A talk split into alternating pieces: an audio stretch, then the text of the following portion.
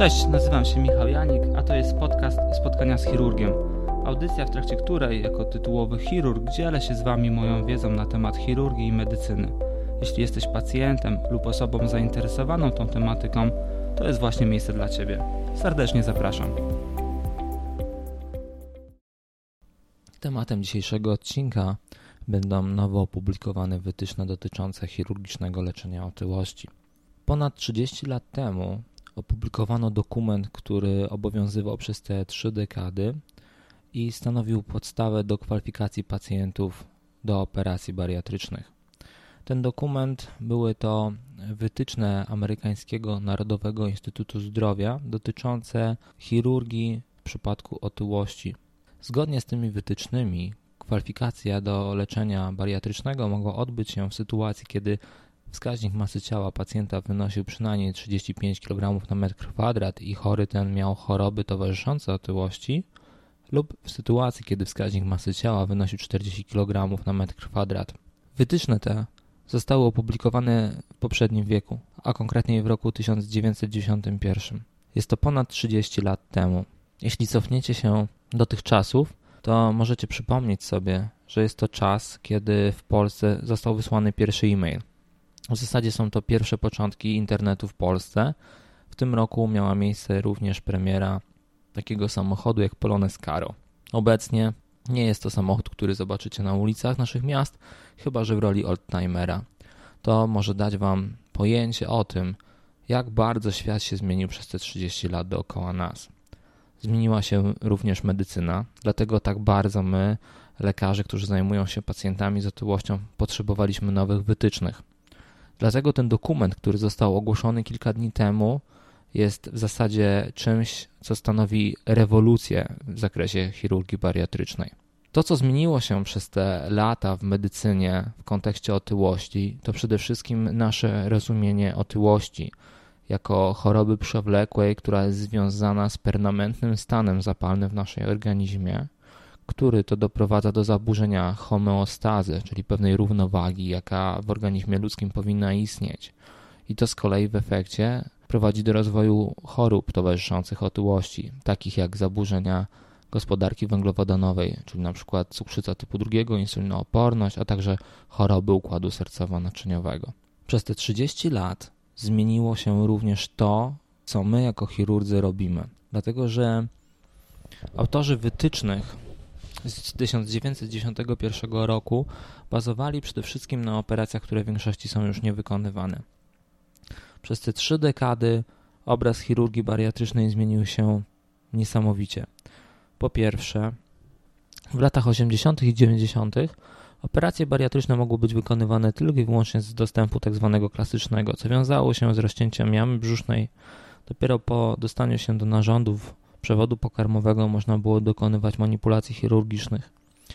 Można wyobrazić sobie, że w przypadku pacjentów z otyłością samo dotarcie do jamy brzusznej było bardzo trudne. Przede wszystkim pozostawiało pacjenta z dużą raną i niestety to skutkowało w powikłaniach, które były obserwowane po operacji. A te powikłania to były infekcje ran pooperacyjnych, czasami rozejścia ran pooperacyjnych. Można sobie wyobrazić, że takie sytuacje bardzo często wiązały się z większą śmiertelnością pacjentów.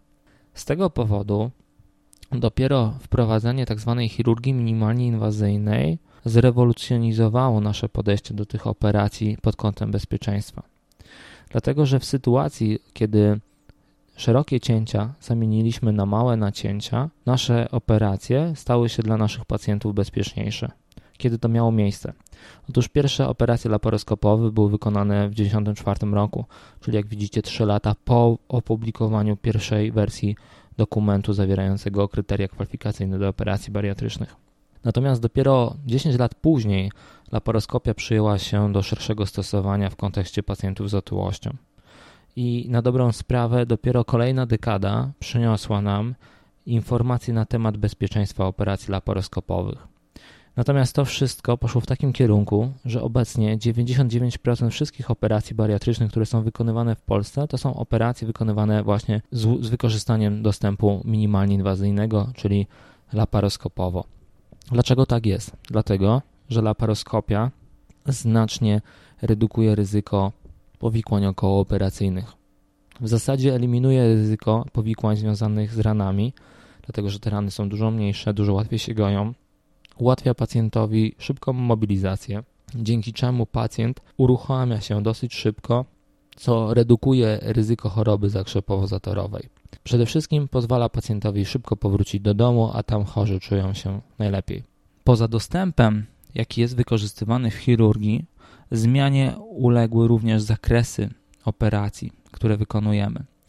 30 lat temu operacje, które były wykonywane, to były operacje pionowej plastyki żołądka, czasami wyłączenia żołądkowe na pętli RUY. Obecnie większość operacji stanowią rękawowe resekcje żołądka.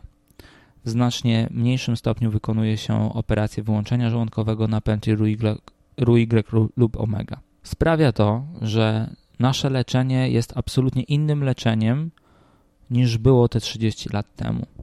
Z tego powodu tak ważne są zmiany w kryteriach kwalifikacyjnych do operacji bariatrycznej. I tutaj dochodzimy właśnie do tego nowo opublikowanego dokumentu. Słuchajcie, jakie to zmiany zostały zaproponowane przez Międzynarodowe Towarzystwo Chirurgii Bariatrycznej we współpracy z Amerykańskim Towarzystwem Chirurgii Bariatrycznej i Metabolicznej. Przede wszystkim został obniżony próg BMI, który umożliwia kwalifikację pacjentów do leczenia z powodu otyłości. Mam tu na myśli leczenie chirurgiczne. W tym momencie pacjenci ze wskaźnikiem BMI wynoszącym przynajmniej 35 kg na metr kwadrat mają wskazania do leczenia chirurgicznego z powodu otyłości. W przypadku pacjentów, których wskaźnik masy ciała wynosi 30 kg na metr kwadrat i istnieją choroby współwystępujące z otyłością, to wówczas taki pacjent ma również wskazania do chirurgicznego leczenia otyłości. Także w sytuacji, kiedy pacjent ma wskaźnik masy ciała wynoszący przynajmniej 30 kg na metr kwadrat oraz udokumentowaną nieskuteczność leczenia zachowawczego, można rozważyć chirurgiczne leczenie otyłości.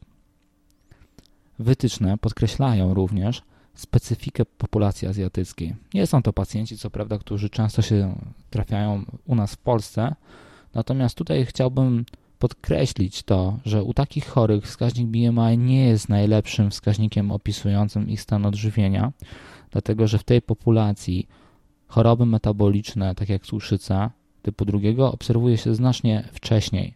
Dlatego zgodnie z nowymi wytycznymi, nawet u pacjentów, których BMI wynosi przynajmniej 25 kg na metr kwadrat i współwystępuje, dla przykładu cukrzyca typu drugiego, można rozważyć leczenie chirurgiczne.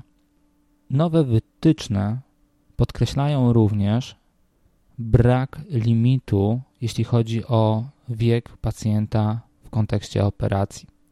Do tej pory wielu chirurgów uważało, że u pacjentów powyżej 65 roku życia takie operacje nie powinny być wykonywane. Natomiast w tych aktualnych wytycznych, które zostały opublikowane kilka dni temu, bardzo wyraźnie stwierdzono, że nawet powyżej 70 roku życia te operacje są dopuszczalne, o ile faktycznie pacjent może odnieść korzyść z ich wykonania.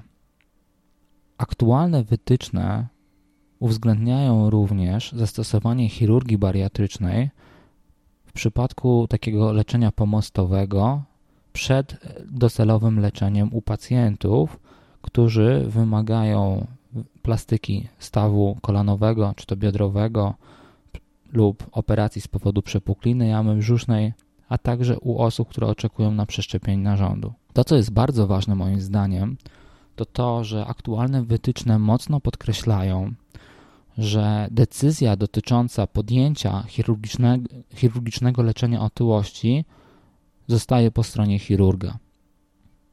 Oczywiście zespół wielodyscyplinarny jest bardzo istotnym elementem w kontekście przygotowania pacjenta do operacji, jak i później w nadzorze pooperacyjnym. Natomiast decyzja dotycząca kwalifikacji pacjenta do chirurgicznego leczenia otyłości powinna być podjęta przez chirurga. Na sam koniec chciałbym jeszcze raz podkreślić, że aktualne wytyczne zdecydowanie jasno wyrażają się na temat przewlekłego charakteru choroby otyłościowej co przekłada się na następujący fakt. Pacjenci, którzy będą zoperowani z powodu otyłości, powinni być obserwowani długoterminowo po operacji. Nie powinno tych pacjentów się pozostawiać samych sobie, dlatego że tacy pacjenci wraz z upływem czasu mogą wymagać jakichś kolejnych interwencji, w tym nawet operacji rewizyjnych. Te wszystkie zmiany, które zostały wprowadzone, sprawiają, że opublikowane wytyczne są rewolucyjne, dlatego że otwierają nam drzwi do operowania pacjentów z niższym wskaźnikiem BMI. W następnym odcinku opowiem Wam nieco więcej na temat aktualnie wykonywanych operacji bariatrycznych w Polsce. Dziękuję.